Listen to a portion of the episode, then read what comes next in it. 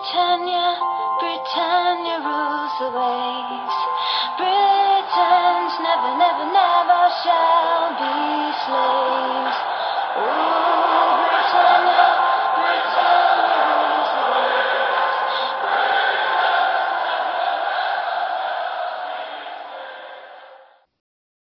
Hej och välkomna till avsnitt 184 utav Svenska FPL-podden.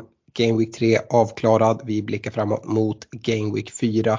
Spelar in tisdagen den 23 augusti och agendan för dagens avsnitt är att vi som vanligt snabbt ska kika in i våra byggen och äntligen ser det ut som det ska. Jag ligger i topp bland poddmedlemmarna. Vi eh, ska även ha lite diskussionspunkter den här veckan och eh, ni som lyssnar tro inte att det är en repris från förra veckan men vi kommer fortsätta prata Liverpool och vad man ska göra med deras tillgångar eh, då det har efterfrågats bland flera lyssnare.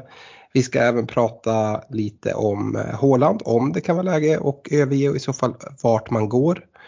Och eh, på grund utav rotationsrisk helt enkelt. Och vi kommer även prata lite kort om wildcard där. Det kommer komma uppdaterade rekommendationer. Vi kommer ha en kaptensdiskussion för Game Week 4 och avslutar med era lyssna-frågor. Och eh, ni som hör det här nu eh, hör kanske att jag låter lite annorlunda. Det är inte på grund av stenhårt festande från eh, United-Liverpool-matchen som eh, spelades igår utan jag är rätt sjuk och har tryckt i mig mediciner för att göra det här. Eh, Jag vet inte hur det är med dig Fredrik, om du eh, mår dåligt av någon annan anledning. Ja, det kan man ju lätt föreställa sig. Jag är inte, inte sjuk på det sättet, men ja, det, det gör ju ont. Eh, Det gör ont i kroppen på ett annat sätt. Men ja, har man varit Liverpool-fan ett tag och varit med under Roy-åren och Christian Poulsen, Paul Konchesky, då, då går det här att hantera, men det är klart att det är oerhört tungt. Mm. Ser fram emot att prata Liverpool idag förstår jag. Eh, ur ett FPL-perspektiv kan jag hantera det. Ja, Ja. härligt. Eh, Stefan, top of the League. Ja, eh, ensamma nu efter Citys eh, kryss där mot eh, Newcastle. Eh, nej men vi ska väl inte, vi ska väl inte liksom dra allt för stora växlar efter tre matcher men eh, onekligen ser det bra ut. Eh, jag har inte sett Arsenal städa av eh, en bortamatch eh, på det här sättet som man gjorde i helgen på, på väldigt länge så att eh, nej, det känns bra och så får vi hoppas att eh, det fortsätter kännas bra ett eh, tag till. Mm. Fredrik, eh, innan vi hoppar in i våra byggen, har du sett att vi se, ser ut att vara på väg mot att få en ny spelande 4,0 försvarare? Ja, vem tänker du på då? Emerson Palmeri eh, uppger Fabrizio Romano vara helt klar för West Ham. Ja, från Chelsea det ja. Jajamän. Mm. Och ja, frågan är, går han direkt in? Men det, det verkar som så på, på väldigt många eh, West Ham-konton som kikat lite att eh, de förväntar sig att, ja men kanske inte liksom game weekend direkt efter han kommer men de tror han kommer ta den platsen ganska, ganska direkt och kan eh, börja utmana Patterson och Nico Williams eventuellt för de som eh, letar efter att och, eh, nedgradera sitt försvar och kanske ha en spelare som, som startar men som man spelar bänk ganska ofta.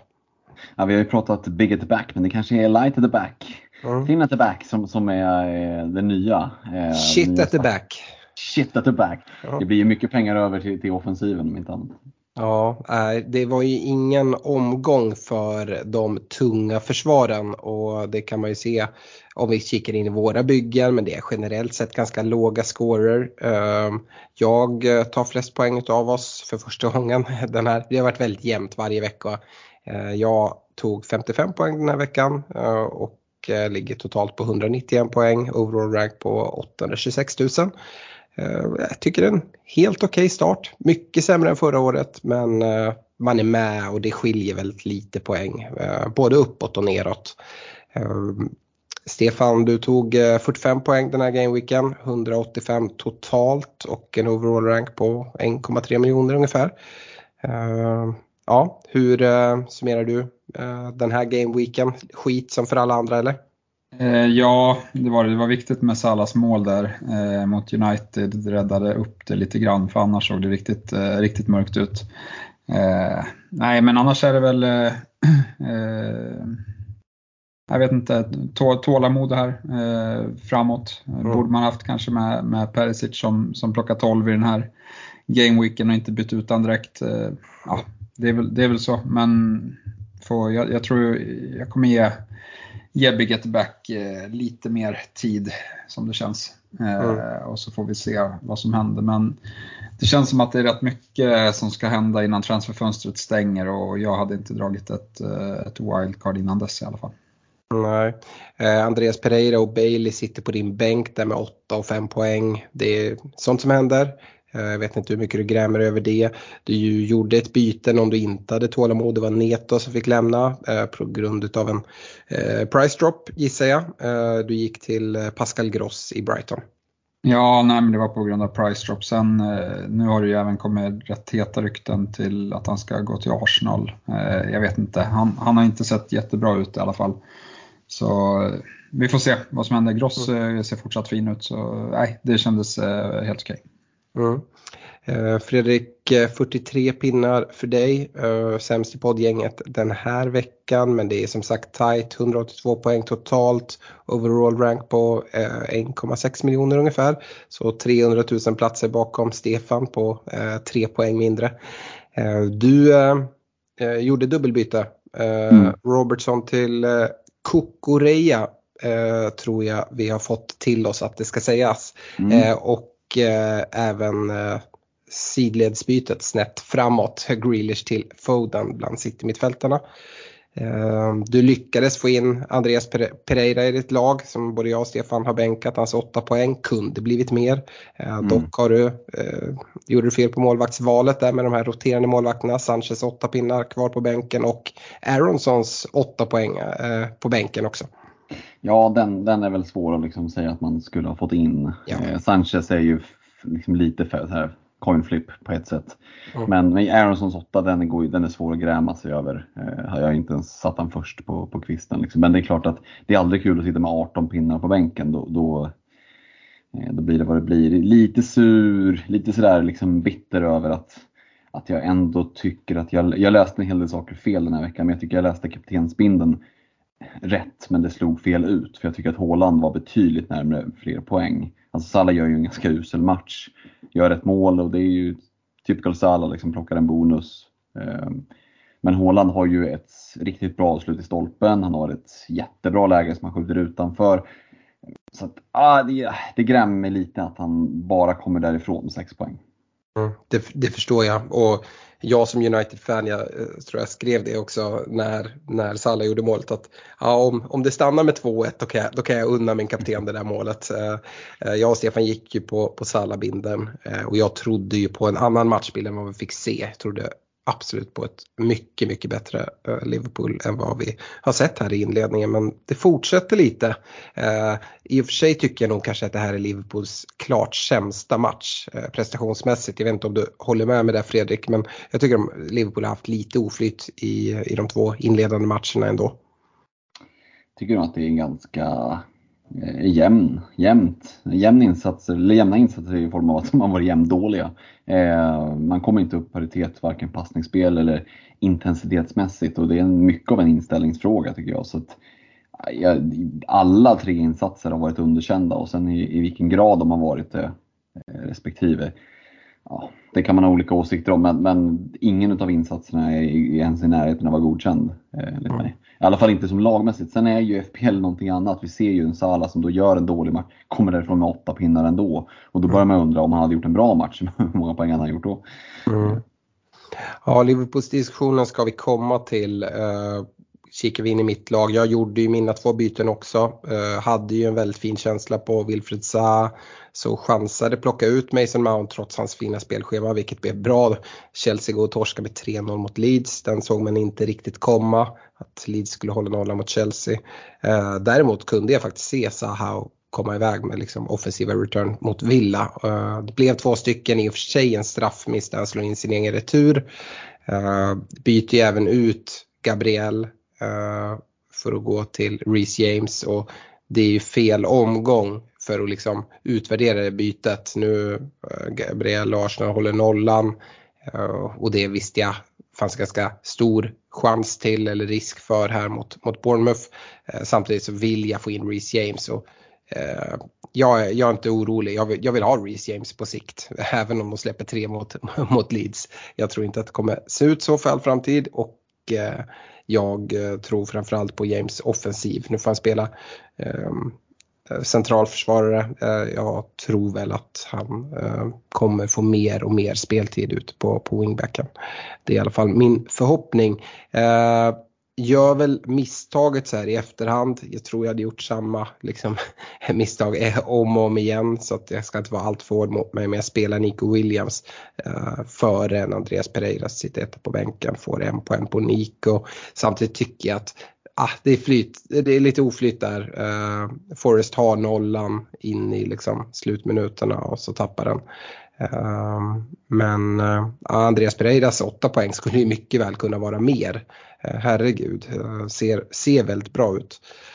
Kollar jag annars i mitt lag, vi har ju alla, inga, alla har ett byte. Så jag vet inte om ni kikar mot att spara eller så.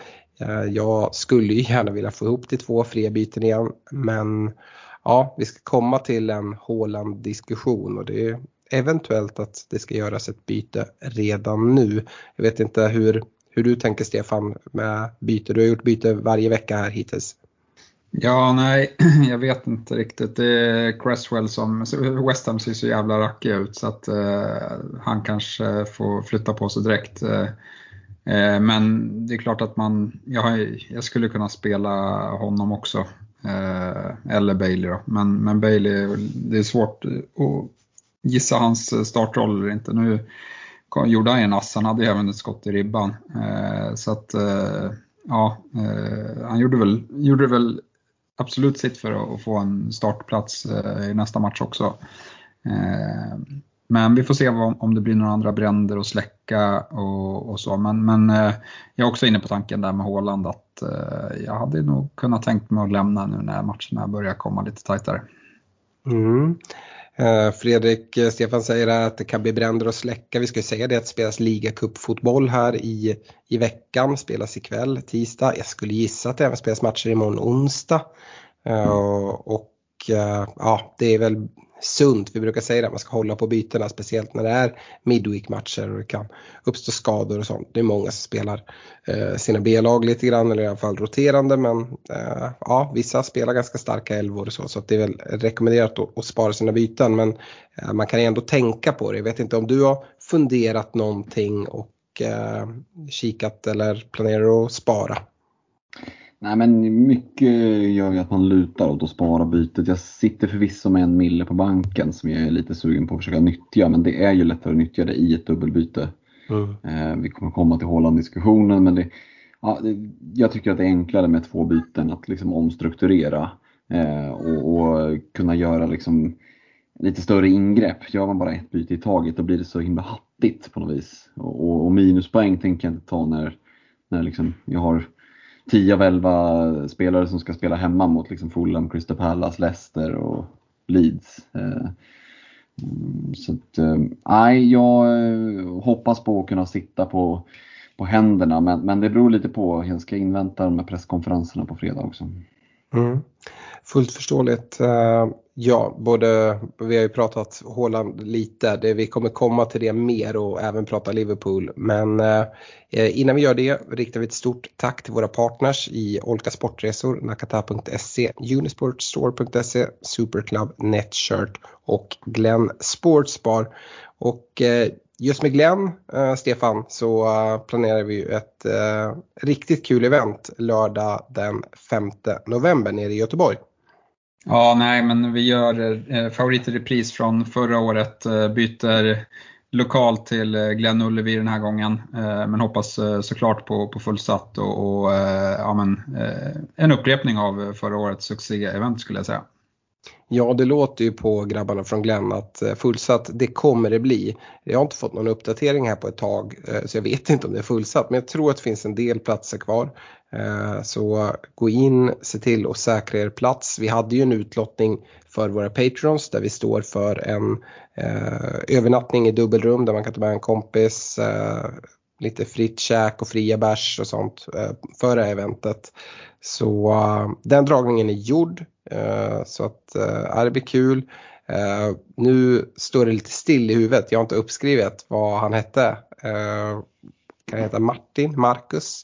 Martin Hellefors tror jag vi kan säga grattis till. Han är ju underrättad i alla fall så ja. han, han, han, han, får bli glad en gång till när han hör det här men vi har ju kollat att det ja. funkar för honom och sådär. Så att det, det, ja, det ska bli jäkligt skoj och, och roligt att vi kan ja, men, pitcha ut de här. Nu kan vi inte kalla dem för små nuggets längre utan det är ju det är ett ganska schysst pris ändå.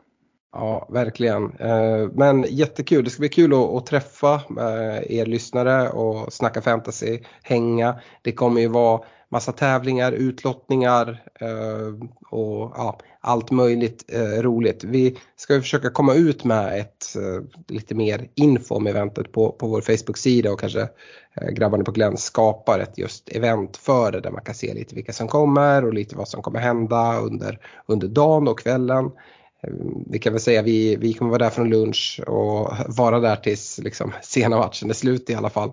Så eh, ja, kom gärna redan till, till tidiga matchen, startar vi 13.30. Eh, och ja, in och boka bord som sagt, säkra din plats medan det fortfarande finns chans. Eh, vi eh, nämnde kort här om eh, utlottningen vi gjorde. Fredrik Patreon, det blir man via patreon.com svenska FPL, eller hur? Men man blir ju det och kan eh, på så sätt stötta vårt arbete med podden så att den eh, kan leva vidare, bli ännu bättre. Eh, 25 kronor, 35 kronor eller 50 kronor i månaden.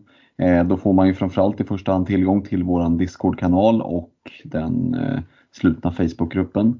Ehm, och man får också möjligheten att ställa sig i den, på den väntelistan som är till den liksom, numera liksom, inte bara legendarisk utan smått mytologiserade eh, Patreon Messenger-tråden, finns den? Ja det gör ju det. Eh, och den är alltså eh, så pass full att det till, har till och med har blivit väntelista på den. Men eh, Discord börjar vi köra mer och mer, vi har kört en del eh, ja, men livesändningar. Det är ju ett, ett eh, kanonverktyg just för att eh, hålla flera parallella diskussioner. För där är ju kanske en Messenger-tråd det försvinner mm. ganska snabbt i, i, i mängden om det kommer bra inlägg. Där är ju Discord väldigt tacksam att det går att hålla isär olika typer av diskussioner. Så att, eh, nej, vi är oerhört tacksamma eh, för alla er som stöttar oss och det är så himla kul att, att det är så många som har valt att bli Patreon bara liksom sedan den här säsongen startade.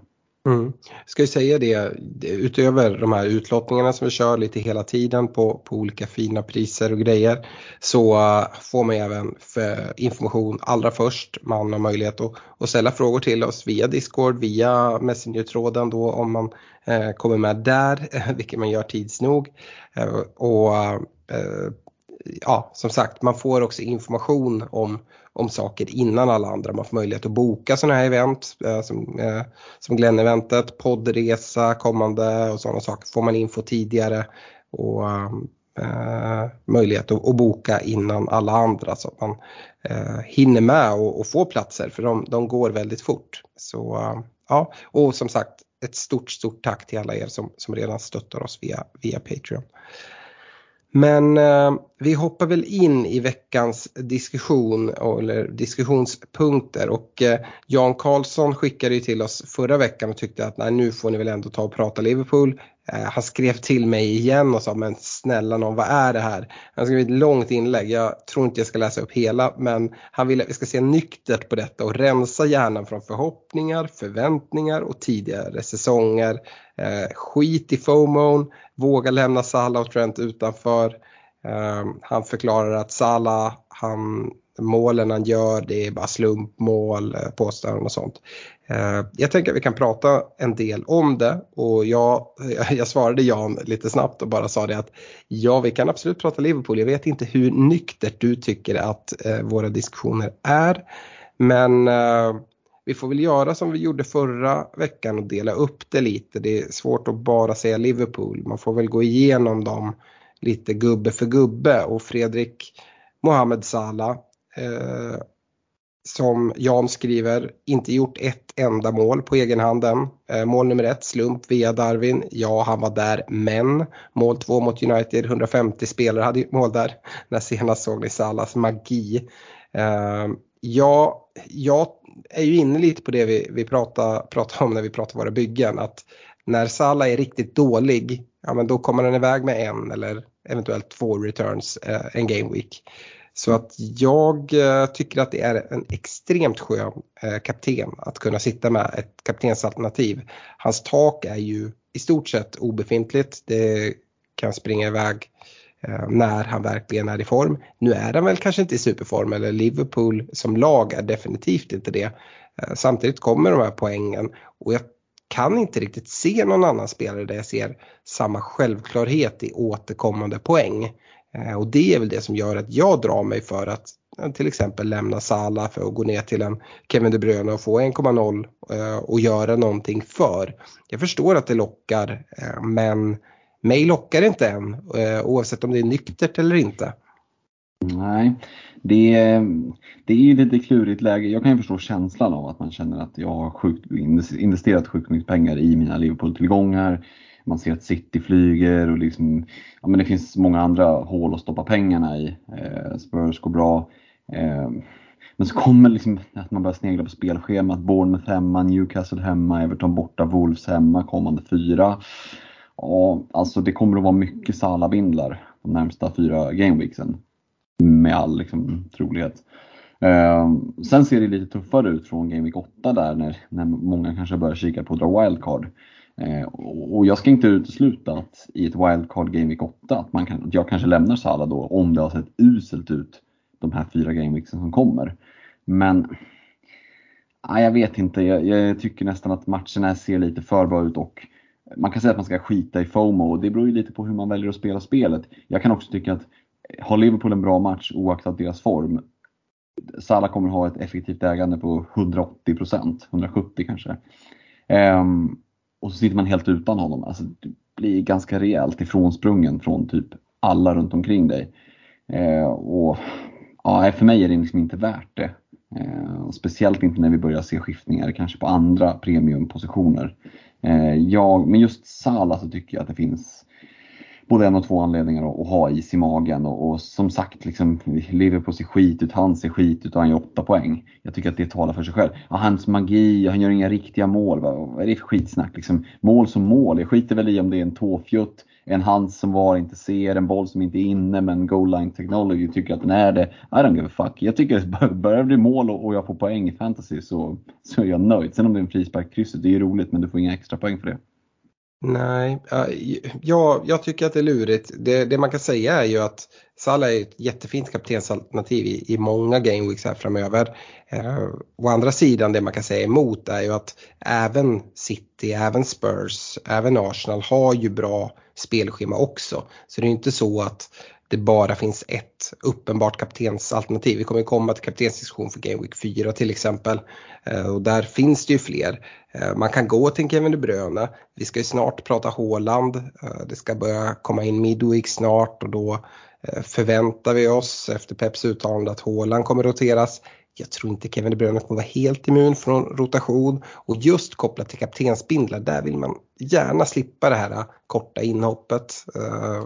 Och ja, där tycker jag att Salah är väldigt fin, det måste jag ändå säga.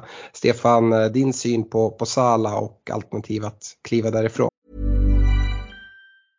I'm Sandra and I'm just the professional your small business was looking for. But you didn't hire me because you didn't use LinkedIn jobs. LinkedIn has professionals you can't find anywhere else, including those who aren't actively looking for a new job but might be open to the perfect role, like me.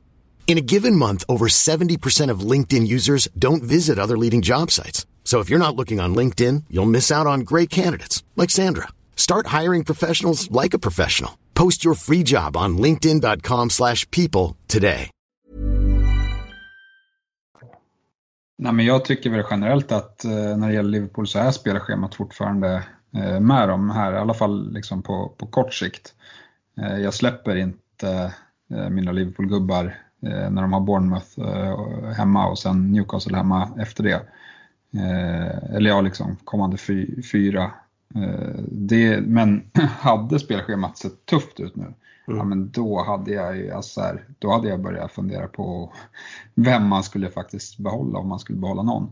Mm. För försvarsspelet ser så oerhört dåligt ut, vilket dock liksom, trots att eh, Trent bara, han fortsätter ju leverera eh, och skapa chanser som vilken annan säsong som helst egentligen. Men det kommer inte bli lika mycket poäng om de inte kan hålla någon nolla. Eh, och, och Sala, eh, ja men där, där är det svårare för att så, det finns så mycket andra alternativ. I, eh, så, så, han känner inte heller att jag behöver ha i, i svårare matchschema. Eh, men just här och nu så, så har jag tålamod med, med Liverpool-spelarna. Mm. Eh, det som är också med Salah det är just det där att gå ifrån honom nu. Det är ju spelets dyrare spelare, dyraste spelare. Det är svårt att komma tillbaka utan att dra ett wildcard. Och som sagt vi har wildcard så att det går ju liksom att göra det. Vi har ju som ett extra. Men eh, om man till exempel drar ett wildcard nu och lämnar Sala, då är det ganska stökigt att få tillbaka honom utan massa minuspoäng eller göra om en hel del. Eh, för det är lätt att man börjar sprida ut de där pengarna, det är därför man vill byta ut dem. Annars om, om man inte ska nyttja pengarna då ser jag verkligen ingen anledning att uh, gå ifrån Salla. Så det är väl det som stökar lite. Uh, men det låter som att vi alla tre är ganska överens om Sala uh, och då får Jan tycka att vi fortfarande sitter här lite på pickalurven. Men uh, jag nej, han kommer även nämnas när vi kommer till kaptensdiskussion, det kan, det kan jag garantera och det kommer han göra varje vecka, eh, mer eller mindre hela, hela säsongen. Eh, försvarsmässigt däremot Fredrik, du valde ju att lämna Robertson eh, mm. inför den här gameweeken. Eh, många, eh, jag och Stefan bland annat, sitter ju dubbelt försvar i Robertson Trent. Eh, jag pratade om det förra veckan, jag tycker att Robertson ser mer offensiv ut än, än vanligt. Såg vi kanske inte jättemycket mot United. Eh, vi ser att 258 000 managers har bytt ut Trent som är den näst mest utbytta spelaren eh, den här gameweeken. Och jag, jag förstår faktiskt ingenting. Absolut, jag ser det alla andra ser också, att Liverpool inte håller några nollor, att det inte har kommit offensiv utdelning från eh, de här ytterbackarna. Men kikar vi in i statistiken, jag säger att Liverpool har haft lite oflyt, att de här kryssen de fick i Game Week 1-2 inte kunde eh, vändas till vinster. Eh, kollar man bakomliggande statistik så efter tre Game Weeks så är Trent då etta i de här kategorierna bland alla försvarare i spelet.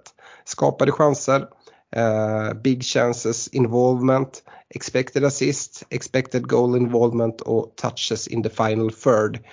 Alla de grejerna är saker som jag uh, verkligen gillar att se att mina spelare ligger i topp för. Uh, och Trent hade inte jag lämnat. Du valde att lämna Robertson. Fredrik, jag har svårt att se att du nu överväger att lämna Trent också. Ja, nej men det, det känns ju nej, han sitter ju där han sitter och, och, där tycker jag också att det är enklare. Det är inte lika mycket pengar, det är inte lika stor procentuell del av den totala budgeten som ligger på Trent. Och, och eh, nej, han, det ska mycket till för att han ska lämna bygget, är känslan. Eh, däremot Robertson var ju jag liksom ganska snabb på att lämna och hade jag suttit kvar med honom som ni gjorde, det, det tycker jag ändå finns en, Eh, en diskussion att ta. Eh, nu var han väl helt okej. Okay. Nej, det vet jag inte om han var. Det var inte någon som var helt okej. Okay. Men, men eh, han, rent liksom i hur han pressade på framåt eh, så tycker jag att det såg eh, intressant ut. Men jag vill ju slänga in en brasklapp att Klopp kommer ju reagera på det här. att det har sett ut som det har gjort. Calvin Ramsey, existerar han ens överhuvudtaget? Jag tror aldrig jag sett människan. svårt att se att han kommer att peta Trent Mittback ja han har inte så mycket att göra i mittbackslåset. Det är ju bara att spela van Dijk och Gomes. Och då är det liksom bara Simikas kvar att, som att laborera med i backlinjen. Så det skulle, jag skulle inte förvåna mig om det är Simikas som får starta eh, här hemma mot Bournemouth. Eh, kommer att förmodligen ha mycket boll, Liverpool piska in inlägg. Och jag, även om han har sett kass ut på de inhoppen in, han har gjort så om vi kollar sedan tidigare säsonger så har ju Simikas en bättre inläggsfot än Robertson tycker jag. Eh, och, så det skulle inte förvåna mig om, om Robbo får en, en, eh, en bänk. Han kan liksom bli lite collateral damage eh, när Klopp ska markera att det här inte duger. Mm. Jag har ju också varit inne på det i, i Messenger-tråden där för mm. Patreon så att jag är lite orolig för det. Samtidigt så där, kan man lämna honom? Stefan, du har precis sett, sett Arsenal möta Bournemouth och ja, eh, Bournemouth hotar inte jättemycket direkt. Eh, du sitter med Robertson eh, och vad jag förstått på dig så är du inte ens nära på att plocka ut honom. Eh, har du ingen oro för Semikas? Nej, han ser ju klappusel ut varje gång han kommer in så jag förstår inte hur man skulle kunna peta. Jag tycker Robertson är den enda som försöker eh, liksom driva på, eh, skapa lite tempo. Eh, så jag, jag har svårt att se att man skulle kicka ut den spelaren eh, ur truppen. Eh, de får väl i sånt fall eh, göra någonting på mittfältet känns det som, för det, där var det ju oerhört svagt eh, senast mot United. Nej, och på tal om Bournemouth, det var ju lite så att Arsenal vann ju med 3-0 och man ska liksom vara eh, glad och, och, så, men det var ju, de var ju så usla så att eh, det var ju nästan tråkigt att kolla på matchen för det är liksom så här, Arsenal gjorde två mål och sen hände det inte så mycket mer och sen gjorde Arsenal till och ja. Mm. Det var lite så här, ja men jag kan tänka mig att eh, lite så att man inte borde känna men, men att man kanske, eh, ja men när det går lite för lätt liksom att det blir eh, eh och, och, ja. De, Bournemouth behöver verkligen få tillbaka sin striker eh, på topp där eh, för att hota någonting känns som. Mm. Ja, jag, jag förstår Fredriks, det Fredrik pratar om, om att lämna Robertson och skulle kunna vara något. Det finns ju också väldigt mycket fina alternativ eh, jag pratar inte om att gå, det är klart man kan gå från en, en Robertson ner till en Nico Williams och, och, spara mycket pengar och börja eh, flytta runt dem och göra flera byten. Men det går ju även att göra ett byte och ja, men göra ner till en Perisic till exempel och spara eh, liksom inte riktigt eh, 1,5 längre men ändå spara mer än 1,0 och få in en spelare som ja, men, nästan och lika högst, högt tak som, som en Robertson och sådär. Så att, eh, jag tycker att det finns något typ av case om man sitter med både Trent och Robertson att när liksom, tills mittförsvaret har eh, börjat se lite bättre ut och kanske framförallt det centrala mittfältet inte bara är en motorväg och, och springa rätt igenom. Eh, så ja, visst man har de här, det brukar vi prata om att det här är ju offensiva spelare som bara har bonus att de kan få kan få eh, poäng för att hålla nollor. Men eftersom att de spelar i de här eh, bra, bra lagen och bra försvaren så de hållna nollorna när vi summerar säsongen står ju för en ganska stor del av poängen. Och om det just nu är så stökigt i, i Liverpools försvar att dubbla upp det då för den kostnaden när man har en alternativkostnad för andra bra försvarsspelare. Mm, jag, jag kan se mig själv och lämna där. Men eh, det, det sticker verkligen liksom att, att plocka ut Robertson eh, inför Bournemouth hemma på Anfield. Så är det. Ehm, en spelare till som ändå är högt ägd i Liverpool är ju eh, Diaz på mitten. Ehm, jag vet inte Fredrik, hur, hur ser du på honom om man sitter där? Det finns ju många alternativ där omkring men risken med att hålla på och byta de här eh, 8,0 mittfältarna runt det är ju bara att, att missa när, när poängen väl kommer. Va? Speciellt när man ska möta ett, ett Bournemouth. Där hade inte jag lockats supermycket ändå. Kanske inte just inför den här matchen eh, med tanke på skadeläget och, och Diaz kommer ju få spela. Jag tycker inte att Diaz ser alls så liksom. Ja, visst, han, i enstaka aktioner ser det bra ut men han faller bort ur matchen ganska mycket.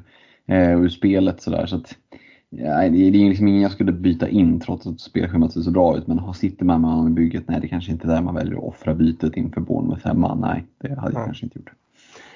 Uh, går vi vidare till den andra stora diskussionen så är det ju Håland som vi redan har uh, flaggat upp lite grann för. Och vi fick ju ett uh, uttalande från Pep att ja, men, nu kommer Midweek-matcherna och då kommer inte Håland starta vecka efter vecka eller liksom match efter match. Eh, och direkt så börjar fantasy-communityt skaka lite grann. Eh, Kane har tappat en del i pris, man kan gå från Håland till Kane och få loss lite så små pengar för att kunna rädda andra price drops eller så eh, som, som man har gjort. Eh, Kane finns inget sånt hot, man kan även gå ner ännu billigare och liksom sprida ut pengar på ett helt annat sätt. Camilla Ljung ställer frågan hur länge ska man ha kvar Håland? Och eh, Stefan, eh, du pratade om det att eh, liksom, ja, det är någonting man kan, kan börja kika på nu. Ja, men verkligen. Jag tycker att, eh, att både eh, Ivan Tony och Mitrovic ser ju eh, riktigt, riktigt bra ut. Så att, och Jesus, han ska ingenstans. Men, men däremot Haaland, antingen kan man gå till Kane som du nämner eller så går man ner på en av Mitrovic och Tony där och kanske kanske Tonys spelschema trumfar nu kommande, kommande matcher mot Mitrovic som har många stormatcher här på, på kort, eh, kort tid. Eh, men sen kan man ju switcha, switcha Tony till, till Mitrovic i sånt fall. Eh, det ser jag som en väg, för då får man eh, pengar över och eh, ska man inte lägga dem eh, big at the back så, så, så är det ju mittfältarna då som, som kanske lockar, där vi har pratat den här 8,0 mittfältarna, men det finns ju även andra. Eh, din Rek Gundogan eh, levererar ju, eh, Saha som du bytte in, Alex ser också riktigt fin ut. Så det finns en hel del mittfältare som man inte riktigt har råd med när man sitter med Håland och pengar i backlinjen men som absolut skulle kunna vara intressanta om man frigör pengar. Mm. Uh, ja Fredrik, hur tänker du? Det jag känner det är ju att det är helt omöjligt att veta när han vilar. Kommer han vila nu i Game Week 4? Ja, kanske. Kommer han vila mm. i Game Week 5 när de ska möta Nottingham Forest om man gärna skulle ha en bindel på en startande Håland kanske. Eller kommer han vila, vila i Game Week 6? Alltså någon av de matcherna ser jag verkligen en, liksom, en bänk på Håland. Men vilken? Jag har ingen aning. Hur, hur tänker du om liksom, timing på att plocka ut honom? Uh, och vart, vart kollar man då? Eh, ja, men, den logiska liksom, lösningen för Pep hade ju varit att spela honom nu i Gameweek 4, bänka Gameweek 5 midweek och sen så återigen på lördag. Liksom. Det är ju lördag, onsdag, lördag. Och lördag, lördag borde han ju klara av att spela. Ehm, men, men Pep är ju inte så förutsägbar så att, precis som du säger, kan det lika gärna vara hemma mot Pallas som, som, ehm, som han bänkar honom. Ehm, skulle jag liksom tvingas gissa så tror jag ändå att han startar Pallas hemma. Men väljer man att hålla kvar Håland från och med nu när det här uttalandet kommit, då, då kan man liksom inte sitta och och grina ett hörn om det så att han börjar bänk eh, mm. redan nu i Genvik 4. Utan det, det är liksom en kalkylerad risk och, och, en eventuell känsla för att ah, det finns ändå en risk att han kommer att bänkas. Det skulle kunna vara att man, gör, att man trycker av ett byte. Jag tycker det som Stefan nämner är intressant här. för att det, det givna bytet är ju Haaland till Kane någonstans. Det är ett enkelt byte när Haaland har stigit lite i pris, Kane har sjunkit. Liksom det, det är no-brainer att göra det bytet. Kane möter dessutom ja, men ganska så rackigt motstånd här kommande tre gameweeksen. Så göra bytet redan nu, ja men då får du Forrest borta eh, för Kane, eh, Western borta, Fulham hemma. Men det, det, det ser rätt så intressant ut. Eh, men det är klart att när de här midprice eh, och kanske till och med lite under midprice mittfältarna, Tony och det är Mitrovic och det är ja, men ett par till som börjar ticka igång. Ja, det gör ju att det finns möjlighet att strukturera om.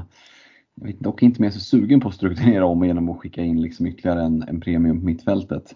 Eh, för då är det lite, det är lite lurigt att komma tillbaka. Vi var inne på det med, med Salah, att om man går därifrån så är det tufft att komma tillbaka. Skickar man så att man inte sitter med, med någon premiumanfallare så vet vi ju, sen förra säsongen var det ju många som hamnade i det läget. Man satt med kanske tre midprice eh, anfallare och så vill man ha in någon av premiumanfallarna. Det är ganska tufft att ta sig dit. Ehm, så det är väl det man ska ha med sig innan man överger premiumanfallaren. Så. Ehm, men eh, jag kan absolut se caset för det. Mm. Och det, det, är väl det där att om man nu inte går Håland till Kane och man kanske endast sitter med, eller endast, jag sitter med det till exempel Sala Håland är mina två premiumalternativ och det är ju där jag oftast vänder mig för att sätta kaptensbindeln. Är man nu lite frågande då också till Sala, hans form, vill jag bindla honom i liksom exakt de matcherna som kommer här framöver. Eh, eller är det så att jag gärna vill ha ett alternativ? Det får man nog också väga in. Absolut kan man ju då med Arsenals fina form i kombination med spelschemat eh, kolla och vända sig dit. Och eh, de som gjorde det i Game Week 2 för, för Jesus till exempel blev ju väldigt eh, belönade. Samtidigt så har han, ja men, vad fick han nu, fyra poäng mot Bournemouth. Eh, Eh, och två poäng fick han i Game Week 1. Jag vet inte om man kan, riktigt kan ha samma förväntningar på stabila poäng på, på en Jesus som man kan ha på en Sala eller en Kane eller Kevin De Bruyne och Son för den delen om man väljer att gå på, på mittfältare. Så det tror jag man behöver ha med lite i beräkningen att man kollar framåt. Hur tänker jag med kaptensbindeln? Är jag bekväm med att sätta den på Sala eller vad har jag för alternativ i de matcherna? Eh, det är i alla fall jag, jag vägt in. Eh, för eh, i övrigt så är det ju Kane och sen är det ju den här tajmingen. Precis som vi i förra punkten pratade Liverpool. Det är ju 100 000 kronors frågan. Att liksom, vi kommer veta i efterhand att ja, men jag satt kvar med Salah alldeles för länge och det var där jag liksom tappade ganska mycket på, på de som var lite mer aggressiva. Eh, eller om man istället byter ut Salah och så går han bananas och då tappar man säsongen. Eh, lite sånt där eh, att ha fingertoppskänslan och göra exakt rätt beslut, släppa vissa spelare i rätt läge och ta in andra. Jag kan se lite liknande här med Haaland Kane. Jag är nog närmast att gå från Haaland till Kane och då tänker jag så här eftersom jag inte själv vet om eh, Haaland vilas nu i fyran eh, om man vilar i femman eller sexan. Jag håller med dig Fredrik, jag tror att femman är det mest logiska. Å andra sidan är Pep inte superlogisk jämt. Så eh, ja, det är ju framförallt femman jag skulle vilja ha Håland. Eh, kommer jag, om jag sitter med honom då, kommer jag våga sätta binden där och få ett 10 minuters inhopp? Mm, nej, det tror jag inte. Eh, om, säg att han spelar nu i Game Week 4 eh, och jag sitter kvar med honom. Binden i Game Week 5, jag kommer ha tufft att sätta den på, på Håland. Eh, och då kanske det är läge att switcha till Kane redan nu i Game Week 4. Eh, även om man bara har ett fritt byte. Sitter man med två, ja då hade jag kanske kollat mot det ännu mer. Eh, men just det här att eh, Kane nu har en fin match, förvisso borta, Eh, men jag håller Nottingham borta som en bättre match än, än Citys, eh, Citys hemmamatch här mot Crystal Palace som, som är, är bra. Ehm, ja, eh, jag, jag har inte bestämt mig men kollar jag just nu, vi pratar om, om Robertson, att det skulle kunna vara någon att byta ut. Gör jag ett byte den här veckan så tror jag att det allra troligaste är att uh, Haaland blir Kane. Och um, ja, så tänker jag. Hur, uh, hur nära är du att trycka ett byte där, uh, Stefan, skulle du säga? Nej, jag tror inte att jag är speciellt nära. Uh, jag tror att jag kommer spara mitt byte för att eh, om jag byter ut Håland så vill jag nog direkt sätta pengarna i arbete någon annanstans. Eh, är väl känslan. Du kollar alltså inte på Gott Kane? Eh, nej, eh, jag tror inte det. Jag tycker att, eh, att Tony och Mitrovic ser så pass fina ut. Mm. Och kanske det, jag tror, det är väl, jag tror att jag vill ha Mitrovic främst men, men inte, inte just nu. Och då tycker jag att eh, Tony som Ja, men han hade väldigt otur skulle jag säga som inte kom iväg med mer poäng. Han gjorde väl hattrick fast två utav målen blev eh, flaggade för offside. Eh, båda var rätt, eh, rätt eller ena var rätt hårfin i alla fall. Men mm. han, ser, han ser ju riktigt fin ut och vi har inte sett han så kliniskt tidigare men det han har i allround-spelet också att han, han agerar ju framspelare och nickar fram bollar och, och liksom dessutom är, eh, är en bra avslutare och på straffar så att jag tror att i Brentford mål då, då är han, eh, precis som Mitrovic, väldigt ofta inblandad. Mm. Trots att Tony ser fin ut så antar jag att det är en gubbe som inte kommer sitta med kaptensbindeln jätteofta i snegunga. Stefan, eh, är det då att du kommer lita fullt ut på Sala eller känner du dig trygg i Arsenal-alternativen att kunna sätta en bindel där om, om liksom Liverpool fortsatt ser lite sådär svajiga ut? Ja, nej, men Salah är fortsatt eh, ett alternativ såklart eh, på kort sikt eh, och sen jag tycker Jesus ser ser magisk ut. Mm.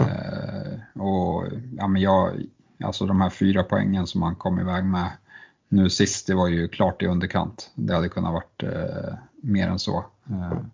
Men nej, men han, ska väl, han har väl också visat att han har hög uppsida med, med hans 2 plus 2 i omgång, omgång 2. Mm. Eh, så nej, han är, han är ett alternativ för mig, absolut. Mm. Fredrik då, hur nära är det att trycka ett byte nu när du bara har ett fritt?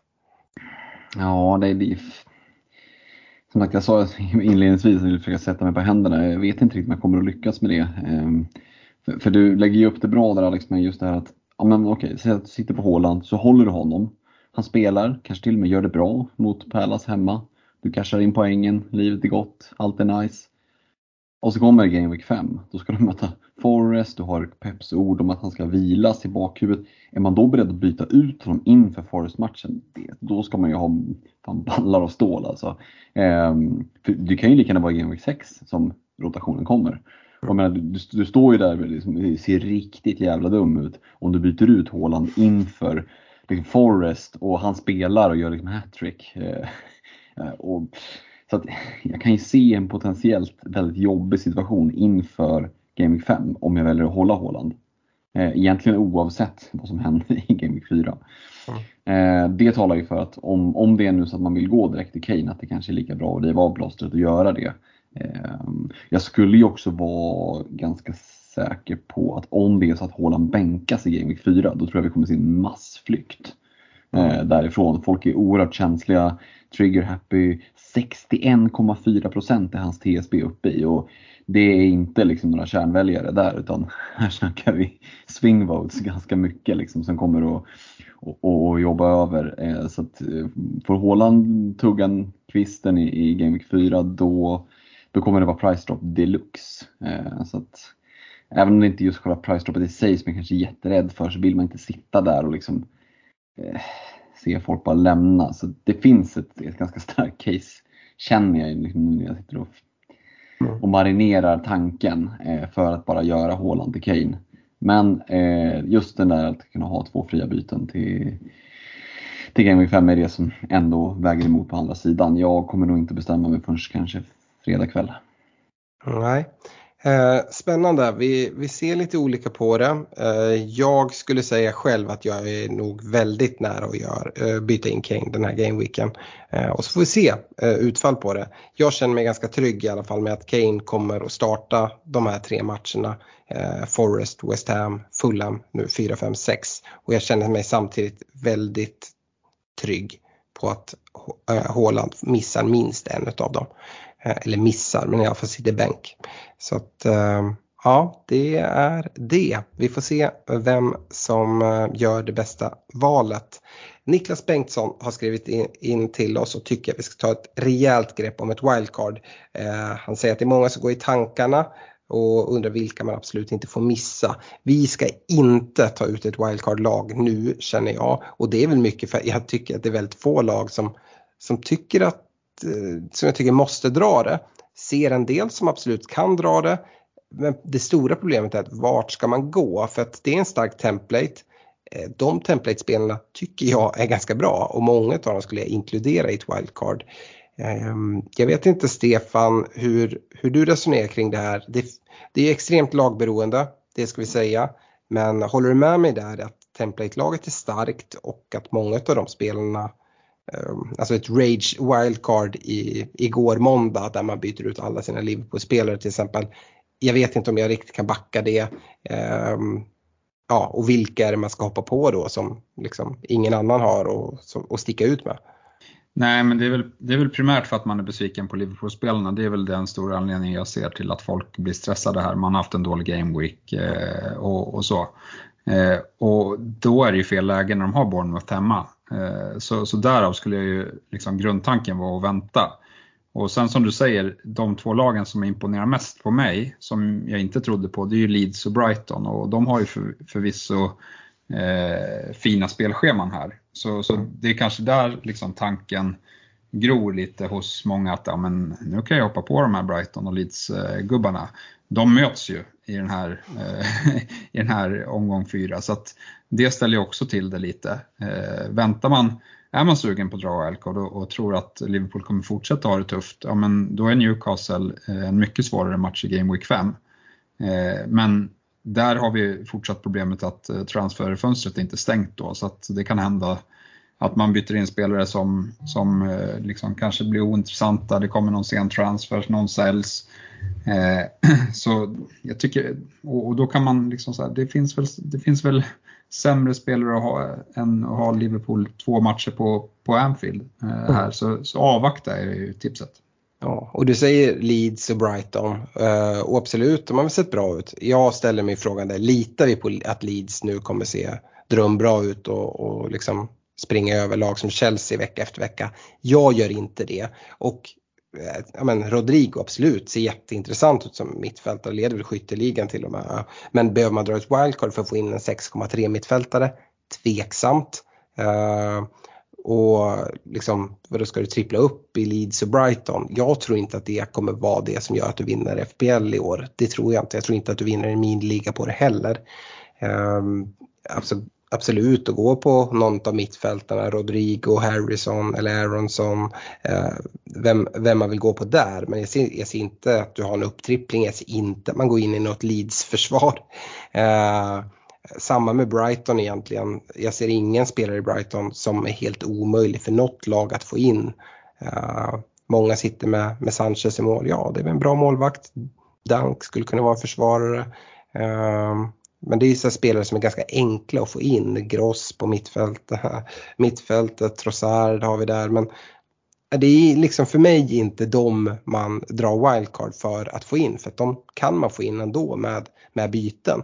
Det jag däremot ser ett problem över det är vi pratade om att om man tar ut Salah nu att det kan vara lite svårt att få tillbaka den dyra spelaren i spelet om han helt plötsligt börjar leverera och, Liverpool kommer igång. Eh, då, då har vi sagt räddningsplankan är att vi har ett wildcard. Drar ett wildcard nu, plockar ut Salah, sprider ut pengarna över hela laget ja, men då sitter du i skiten om Liverpool börjar flyga och Salah sitter tungt kaptenad och, och vräker in poäng till motståndarlagen hela tiden. Um, där ser jag en jätterisk. Um, ja, Fredrik, hur, hur ser du på wildcardet och de tankar som både jag och Stefan här bollar upp? Mm, men jag kan väl egentligen bara instämma. Jag tycker att det, de allra flesta lagen, alltså att man börjar tänka och liksom fingra på wildcardet. Men du satt med dubbelt, Chelsea-försvar som nollade eller trippelt till liksom Liverpool som inte gav de poäng du tänkte eller City-försvar som, som inte liksom levererar så som du var tänkt. Ja, så blir det ju ibland. Det, det är liksom, dessutom om du sitter med typ ett hyfsat starkt template-lag så har ju de, alla de lagen ganska fina matcher här nu i kommande Game Så jag tycker att tajmingen är fel. Eh, kan vara läge att andas in på sig tre gånger och liksom lugna sig lite. Eh, och, och, är det så att man, du var inne på det, liksom verkligen vill ha in någon från, från eh, Leeds till exempel, ja, men, och du bara har ett fritt byte så, så är det inte jättekomplicerat. I liksom 9 av 10 byggen så går det faktiskt att göra ett rakt byte. Till och med få lite pengar på banken och få in någon av, av de gubbarna. Liksom. Så att, eh, mm. jag vet inte. Det är, jag tycker inte, så wildcarden ska ju användas till att liksom omstrukturera eller lösa liksom en jävla skogsbrand i bygget där det bara är skador hej vilt eller liksom någon form av omstrukturering. Inte det här att man, ja, mina två Chelsea-försvarare nollade en match. Ja, sånt händer. Nästa match så kan, kan det vara att de tar tvåsiffrigt båda två. Mm. Mm, så att, nej jag vet inte, jag, jag, kan känna att det, det känns lite drastiskt. Sen finns det såklart undantag, folk som mm. har kommit helt snett på det. Men för de allra flesta tycker jag att det känns drastiskt. Mm. Ja, men det, det, är lagberoende, det ska vi skjuta in och det tror, tror jag vi har sagt nu också. Men eh, sen skulle jag också vilja säga, du, du pratar släcka skogsbränder, men jag skulle verkligen vilja eh, lägga extra tryck på det att det behöver inte vara så. Du nämner att omstrukturera och snarare det skulle jag säga. För jag tror att det är ganska få lag där det kommer vara speciellt mycket skogsbränder om vi ska använda det uttrycket eh, fram till, till VM. Det här starka template-laget bygger ju mycket på de förväntade liksom, topp 5, topp 6-lagen. Eh, och med fina spelscheman och då brukar vi ändå säga att men, lag som Liverpool och City är ganska så här oberoende utav spelschema så kan man ändå sitta med spelare som kan se, och jag skulle säga samma gäller en Reece James och sådär, de, de spelar man ändå. Um, så jag kan väl säga att man kan attackera. Man kan spela wildcard även om det har gått bra eh, så kan man spela det för att attackera. Att I ett starkt läge eh, dra wildcard eh, när man vill göra en omstrukturering. Det kan till exempel vara det att man vill lämna en Mohamed Salah, sprida pengarna på ett annat sätt. Ehm, och så. Eh, det är en hög risk man tar, men då kan jag ändå köpa det. Eh, jag tycker inte, för mig är inte det den rätta taktiken. Men om det är det man vill göra, ja, men då kan jag ändå köpa det. Uh, för då strukturerar man om hela, man kanske byter vilka två premiumspelare man sitter med, man kanske går till tre premiumspelare eller två helt andra eller vad man tror på. Ja men fine, kör så och attackera då. Men att dra ett wildcard nu för att trippla upp i leads, nej det tror jag inte på. Uh, att dra ett wildcard nu för att få in liksom uh, Jesus, Martinelli uh, och liksom de här spelarna som, som sitter i templet. Ja, ja, kanske men det känns som att du, du är ett steg bakom då. Jewelry isn't a gift you give just once. It's a way to remind your loved one of a beautiful moment every time they see it. Blue Nile can help you find the gift that says how you feel and says it beautifully with expert guidance and a wide assortment of jewelry of the highest quality at the best price. Go to BlueNile.com and experience the convenience of shopping Blue Nile, the original online jeweler since 1999. That's BlueNile.com to find the perfect jewelry gift for any occasion. BlueNile.com. Hiring for your small business? If you're not looking for professionals on LinkedIn, you're looking in the wrong place. That's like looking for your car keys in a fish tank. LinkedIn helps you hire professionals you can't find anywhere else, even those who aren't actively searching for a new job but might be open to the perfect role. In a given month, over 70% of LinkedIn users don't even visit other leading job sites. So start looking in the right place. With LinkedIn, you can hire professionals like a professional. Post your free job on linkedin.com slash people today.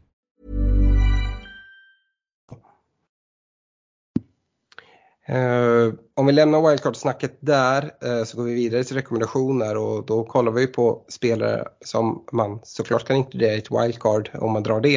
Eh, men kanske en, ännu hellre om man nu bara ska göra ett eller två byten, vilka spelare man kan vända sig mot. Eh, och vi börjar som vanligt med försvarsrekar och eh, Fredrik, eh, förra veckan så rekade du James Dunk och Kukureya. Mm.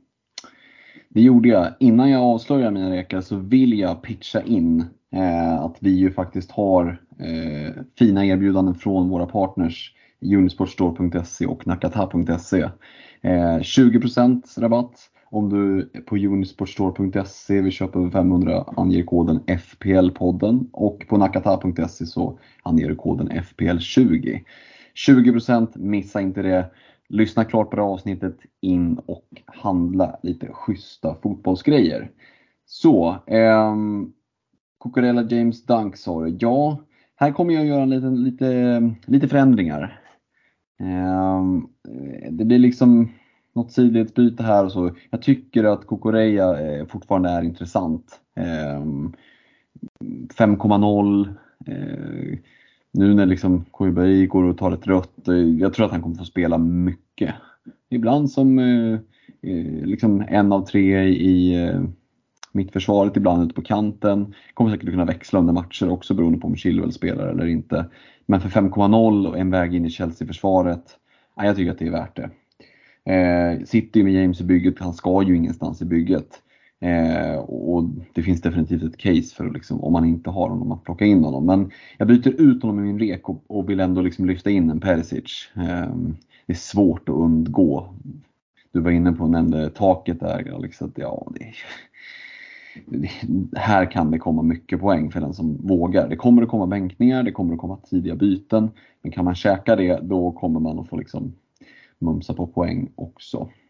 Och sen väljer jag att göra ett, ett rakt jäkla sidledsbyte, sådana som vi hatar egentligen. Men jag tar mig friheten att få göra det ändå eh, i, i just i reken. Om man nu har till exempel inte valt att gå på Dank, som jag har rekat sedan tidigare, men tycker att ja, men Brighton ser ju bra fina ut ändå.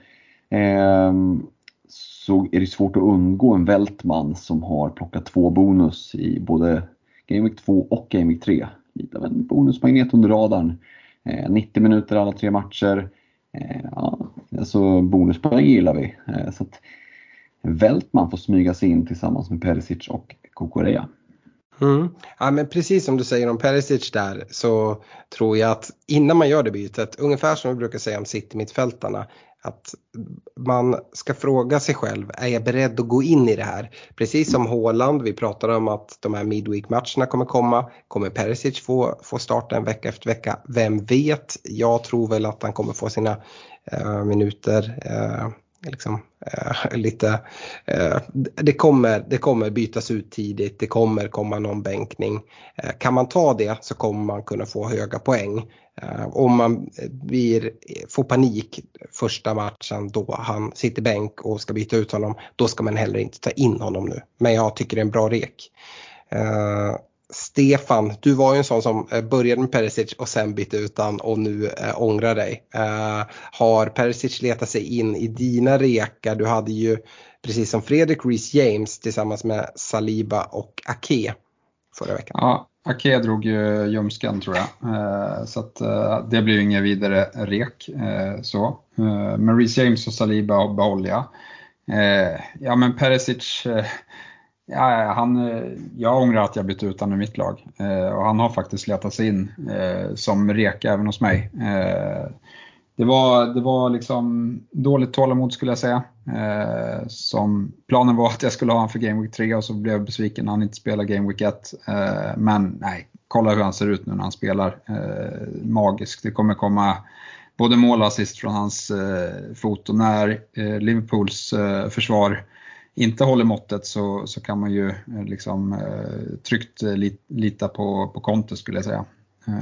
Han kommer inte tillåta, tillåta Tottenham att slarva i, i hemjobbet utan det kommer, vara, det kommer bli, bli några nollor där tror jag. Mm. Håller du med mig där om att man dock kan få, få någon bänkning eller en tidig utbytning lite, lite när som helst? Ja, alltså rent timingmässigt så eh, blir det intressant att se. Eh, nu kommer ju Midweeksen så är, han kommer inte spela eh, tre matcher i veckan, det tror jag inte. Eh, så, så, det ska man väl ha med sig. Eh, och, och, sen får vi se liksom hur det ser ut. Eh, spelar Perisic i Champions League, eh, ja men då kanske det blir signal som spelar ligamatcher. Eh, så. Men ja, jag vet inte, de, det, det, det låter jag vara osagt här. Och nu jag ser tre bra matcher och jag ser en Perisic som som förhoppningsvis får spela från start mot Nottingham och mot Fulham. Eh, och, och, då kan det bli eh, liksom tvåsiffrigt eh, i båda de matcherna. Mm. Eh, för egen del eh, hade jag också Reece James förra veckan. Bytte ju till och med innan själv. Eh, fick inte utdelning nu men en spelare som jag väldigt gärna sitter kvar med och han får vara kvar. Jag hade även eh, en Kyle Walker och en Nico Williams och tycker att de fortsatt är bra. Eh, nu släppte City tre mål mot ett Newcastle. Eh, men jag skulle säga att eh, City-försvaret är det jag håller allra högst. Ehm, medan vi ser Liverpool lite kämpa med sitt försvar och vi ser Chelsea släppa tre. Ja, men jag tror att en uppdubbling i, i City-försvaret är där jag känner mig mest tryggad med, med hållna nollor här framöver. Eh, så Walker får vara kvar. Jag, jag väljer att plocka ut Nico Williams eh, från, från reken. Jag tycker fortsatt att det är den bästa 4,0 försvararen. Eh, men tar in Dunk, Fredrik, som, som du mm. plockade ut. Jag, jag gillar verkligen Brighton. Nu sitter jag själv med, med Sanchez i mål. Kollar inte mot att ha en 4,5 back. Men om man inte har Sanchez till exempel, gå in och få täckning i det där försvaret. Ja, går man på Dunk eller Vältman, är väl en liksom, smakfråga eller en liksom, coin flip på något sätt. Eh, Vältman som du säger har tagit bonus. Dunk har ju det offensiva hotet eh, på fasta. Brighton får mycket fasta. Eh, det gäller att ha lite flyt. Det är svårt att liksom attackera eh, och, och, få målen på sina mittförsvarare. Men eh, det kommer komma mål från, från Dunk under säsongen och det är bara att hoppas att de, de kommer nu här med, med Brightons fina spelschema. Ehm, går vi till mittfältet så eh, hade, börjar jag själv. Jag hade Martinelli, Gündogan och eh, Pascal Gross. Eh, jag tycker väl egentligen alla tre spelare är spelare som om man inte redan har Martinelli, absolut ha honom. Vi hade honom alla tre förra veckan. Och det här kanske är sista veckan som jag har med honom för ja, jag tycker att det, det, är en så fin gubbe. Men det är så många som har honom också. Eh, han får dock vara kvar. Eh, Gündogan lika så. Jag låter han vara. Jag vet att båda ni hade Foden istället. Eh, och jag tycker där också att det är väldigt, väldigt tight. Men eh, Gündogan har inte gjort någonting som förtjänar eh, liksom att jag ska ta bort honom från min rek så han, han är kvar. Gross, eh, jag tar utan, jag tar inte utan för att han inte tar tar straffarna eh, i, i Brighton. Vi såg ju McAllister slå in straffen. Eh, jag trodde ändå Gross skulle ta dem. Äh, tar fortsatt alla andra fasta situationer. Jag tycker han ser väldigt bra ut. Eh, så att har man tagit in honom sitter man jättebra där. Men skulle jag ta in någon nu, ja men det är svårt att liksom förbise en Rodrigo, han måste in som rek och då var det så här, vem ska jag ta ut? Ja men jag skulle såklart kunna ta ut Martinelli eftersom vi har rekat honom så länge. Men nu väljer jag att plocka Gross istället. Rodrigo kommer in där. Um, Stefan, jag har ju nästan redan gått igenom dina rekar men Foden Martinelli satte förra veckan tillsammans med en James Madison i Leicester. Ja, eh, Foden Martinelli eh, får vara kvar. Eh, Madison, eh, han gjorde förvisso mål här men, men, eh, men Leicester ser för rackiga ut och nu är det Chelsea United. Eh, det, det, är säkert, alltså Madison har alltid ett hot med, med tanke på att han eh, tar fasta och, och direkta frisparkar och så. Eh, så liksom sitter man med honom så han, han ser fin ut men Leicester ser dålig ut. Eh, men, men han försvinner från reken och in kommer Trossard i, i Brighton. Eh, Brightons schema ser ju mumma ut. Eh, vi, gick ju, vi trodde ju mycket på Trossard i början där. Eh, lite slow start. Nu gjorde han mål senast. Jag hoppas att, att han kan bygga på det och ja, men flyga härifrån. Du var ju till och med väldigt nära att starta Game Week 1 med, med Trossard, Stefan. Ja, det var jag. Men det fin- inför Game Week 1 finns det många, många spelare i, ja. i, i bygget. Men ja, han satt absolut i ett, ett av de sista draftsen. Eh, då hade man ju säkert bytt, bytt bort sig där. Mm. eh, men men, eh, nej, men han, jag tycker väl att han är liksom den spelaren, när han, när han vill spela fotboll så är han väl Brightons eh, bästa offensiva eh, spelare skulle jag säga. Eh, och förhoppningsvis nu med, ja, men, schemat kan inte bli mycket bättre än så här. Så att, eh, ja, men utdelningen eh, kanske kommer här. Mm. Fredrik Foden, Martinelli och en Liverpool-spelare som vi inte pratade om eh, så mycket där vi skulle lämna. Harvey Elliott. Eh, ja, jag vet inte. Det är väl inte en spelare om man nu tog in honom man kanske ska byta ut honom direkt. Men det är heller kanske ingen som sitter kvar i någon rek va?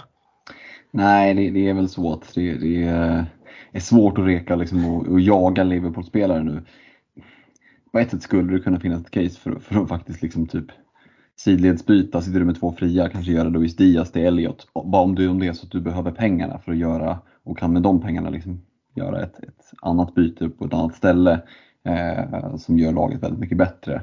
Eh, svårt att se liksom att Diaz egentligen attackerar så pass mycket mer igen.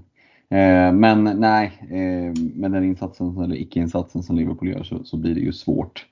Eh, jag har valt att liksom och, och ersätta honom med, med någon som är betydligt mycket dyrare. Både Foden och Martinelli får vara kvar. Visserligen Foden eh, en blank här nu men, men eh, fick ju starten trots att Pep hade varit ute lite kryptiskt och pratat om att han måste lära sig både det ena och det andra. Eh, Gündogan kom ju undan med poängen. Eh, surt för den som stod i valet och kvalet som jag då gick på Foden. Men, men jag tror att det kommer att komma poäng på Foden liksom, i sinom tid. Så här får man ha lite tålamod. Eh, och, alltså Martinelli är ju så fin så det är, det är ju fortfarande manager som inte har den i bygget. Och jag, jag fattar inte vad jag håller på med. Bara byt in honom. Liksom. Eh, så Martinelli och Foden är kvar. Men Elliot får bli Kevin De Bruyne. Eh, och då kan man tycka, vad i helvete är det för jävla rek liksom? Eh, tycker du att vi ska göra raka bytet Salah till Kevin De Bruyne? Nej, det tycker jag inte. Men, låt säga att du sitter med två fria byten. Det tror jag en hel del av de som lyssnar på det här gör. Då hade jag börjat fingra på eh, att kanske göra Håland till ehm, eh, någon av de här eh, ja, men ganska heta anfallarna som är ganska tacksamt prissatta. Kanske i samband med det också då få in en Kevin De Bruyne på mittfältet. Det skulle kunna vara ett en, liksom en väg, eh, om man nu inte vill gå från Haaland till Kane. Eh, att få in en spelare som ja, men, har sett oerhört bra ut. Alltså, vi hade ju någon diskussion där i, i våran Patreon Messenger-tråd vem som är Premier Leagues bästa spelare och, och jag vet att jag skrev att eh, alltså jag är ju livslångt medlemskap i Liverpool-sekten men jag är den första att erkänna att eh, Kevin De Bruyne är en bättre fotbollsspelare än Salah. Eh, och han är dessutom, även om Salah är ju grym i FPL, men det är ju De Bruyne också. Eh, så att det finns liksom ett case. Det finns också ett case för den som sitter och trycker iväg ett wildcard som vi pratade om tidigare, att blicka mot, mot Kevin De Bruyne tycker jag. Som, eh, ja, men han visar med all tydlighet att eh, han är inte bara en oerhört bra fotbollsspelare, han är en bra FPL-spelare också. Eh, så att den reken kommer med den liksom lilla, lilla eller långa brasklappen, men De Bruyne tar plats bredvid eh, Foden och Martinelli. Mm. Nej, eh, svårt att säga så mycket. Det som är är väl att gå från Haaland till Kevin De Bruyne är att det ska in mer pengar och ofta så är det någon eh, ja men de här vi har pratat om, man vill ifrån Neto, man vill kanske ifrån en Rashford eller kanske ifrån en Bailey och då är det väldigt svårt att få ihop det pengamässigt. Man, det är nästan man måste upp på, men ska man in med Tony eller Mitrovic som kostar mer än alla de här jag nämner så äh, behöver man ju liksom byta ut någon, någon mittfältare för liksom 7,0 eller, eller mer för att liksom få ihop det. Eh, kanske till och med liksom en 8,0 mittfältare. Så lite stökigt kan jag tycka att det är. I ett wildcard däremot kan jag hålla med att Kevin De Bruyne är ett eh, riktigt fint alternativ att lite differentiera sig med en spelare som, som dessutom har ett enormt tak och även ett ganska högt golv. Uh, så ja, absolut. På anfallssidan då Fredrik, om du bara får fortsätta. Förra veckan så eh, var det ju eh, Havertz och Jesus. Mm, här blir det stor ställning också. Eh, och, och, det är läge att ta ut Jesus nu menar du? ja, precis. 81,4 procent får man bara liksom skicka honom. Nej, men det, det, är ju, om vi har benämnt Salah som någon form av permakapten tidigare, kanske framförallt under förra säsongen, så får väl Jesus vara liksom permareken tills vidare i alla fall. Eh, men eh, för att liksom hitta lite mer intresse i reken så, vi har varit nämnt båda två, men jag tycker Kane och Tony eh, känns ganska givna eh, som anfallsrekar för min del. Så att Havertz Jesus får göra plats för Kane och Tony. Ja, jättebra rekar tycker jag eftersom det är exakt de jag sitter med. Jag hade Mitrovic och Tony förra veckan. Mitrovic vinkar jag gör för. Jag håller väl med och Stefan lite där. Jag tycker väl egentligen att kanske eh, Mitrovic är ännu hetare än Tony men kopplat till spelschemat så är det nog läge att hellre gå på, på Tony just nu eh, Eh, och sen gå på Mitro lite senare.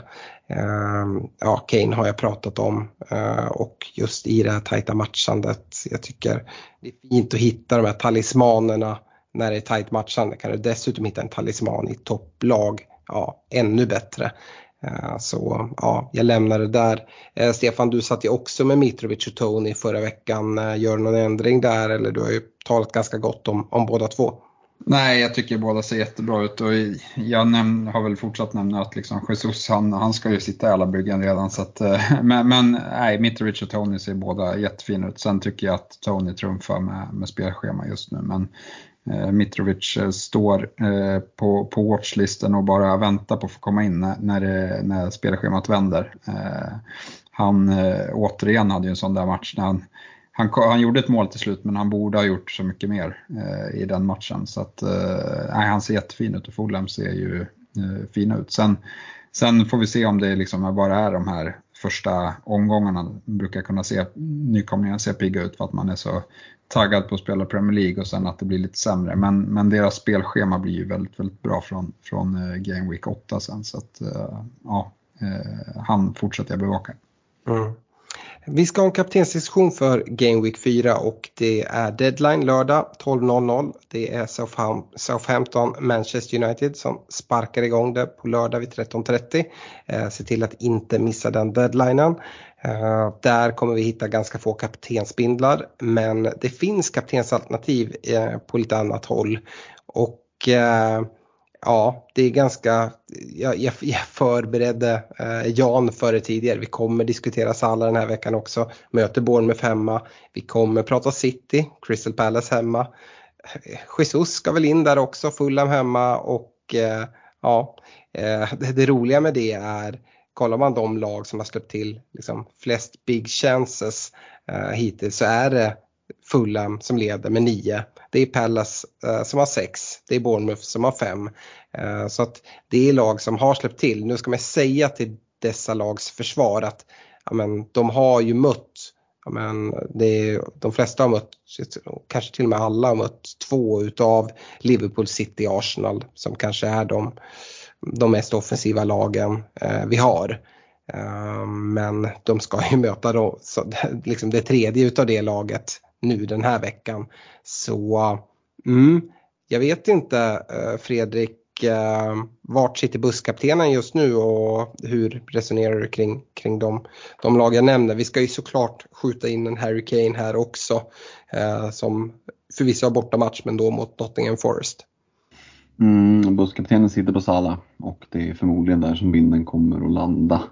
Jag ska inte övertänka den här veckan utan här, här känns det som att Visst, det kan bli fortsatt kräftgång och totalt liksom, eh, skit och piss och krispanik i Liverpool. Men det skulle också kunna bli en riktig liksom, att det bara islossning och, och ja, det bara rinner iväg. För som sagt var Bournemouth, om de levererar en sån icke-insats som de gjorde mot, mot Arsenal och Liverpool liksom, om man får ett tidigt mål och kommer loss på det, då, då, då kan det bli en mardröm att sitta, inte bara utan Sala, utan Sala-binden. Eh, så att för min del känns den i dagsläget i alla fall ganska given. Eh, Crystal Palace är ett, ett bra lag.